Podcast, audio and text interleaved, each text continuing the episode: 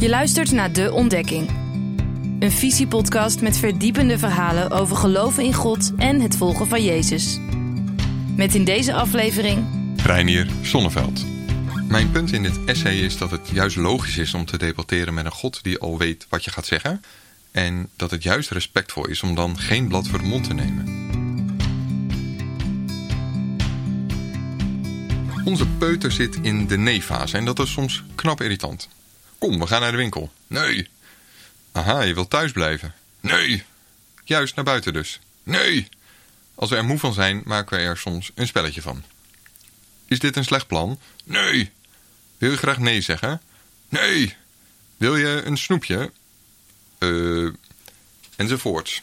Uiteindelijk neem je hem dan maar onder de arm, je laat hem even spartelen en hij is alweer vergeten dat hij het niet wilde. Als ouders troost je elkaar naderhand met... Ja, hij ontwikkelt zijn eigen willetje. Die wordt later vast een beide handen jongen met een reuze zelfstandige mening. Je zegt dingen als, stel je voor dat hij nooit nee zou zeggen. Dat wil je toch ook niet? En dat is toch ook niet gezond? Je wilt toch niet een slaafje als kind? En zo modder je gezellig verder als onervaren ouders. Wat me aan het thema van deze visie doet denken. Ik stel me een beschermengel voor die de gang der dingen iets wat bijstelt en een boze bidder aan de lijn krijgt. Maar je vroeg toch eerder toch om een goed gesprek met je partner? Nee. Je bedoelde dat je eigen fouten liever niet ter sprake moesten komen? Nee. Of dan, je, je wilde liever een relatie waarbij alles maar onder het tapijt wordt geveegd? Nee. En als ik dan nog even doorfantaseer, stel ik me voor dat de beschermengel met een collega de dag doorneemt.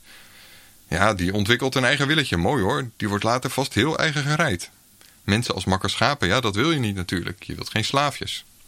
Als het gaat om debatteren met God zijn we als christenen wel eens te voorzichtig. Want is het niet respectloos tegenover God? En helpt het wel als hij toch alles weet en alles bepaalt? In de verhaaltjes hierboven zitten de antwoorden eigenlijk al.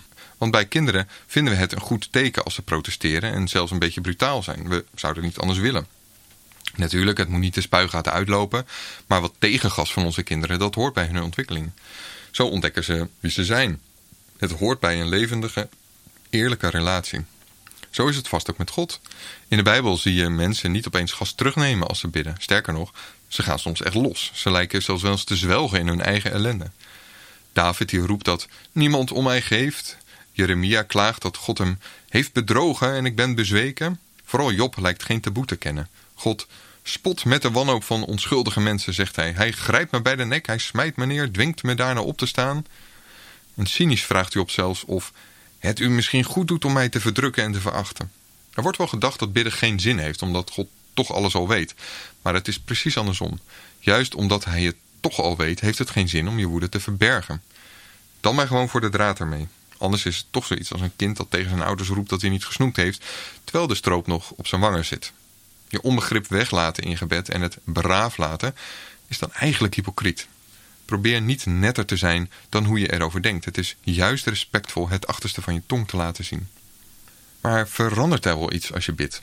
Wie zijn wij eigenlijk om God te adviseren over wat het beste zou zijn? Hij staat toch mijlenver boven ons? Hiermee komen we in de krochten van de theologie, hoewel elke gelovige het zich wel eens afvraagt. De meeste christenen geloven dat God niet elk detail bepaalt, maar wel alles weet.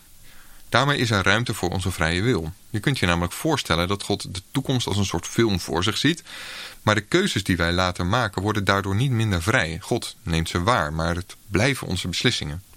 Bidden doet er dan wel degelijk toe. Zoals het uitmaakt of ons zoontje iets tegen mij uitspreekt of niet. Ook al zou ik al weten wat hij wil, het maakt verschil of hij daadwerkelijk communiceert.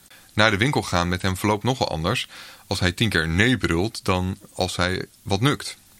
Of een ander voorbeeld, ik weet dat hij avocados fantastisch vindt en rond drie uur s middags is een logisch moment daarvoor.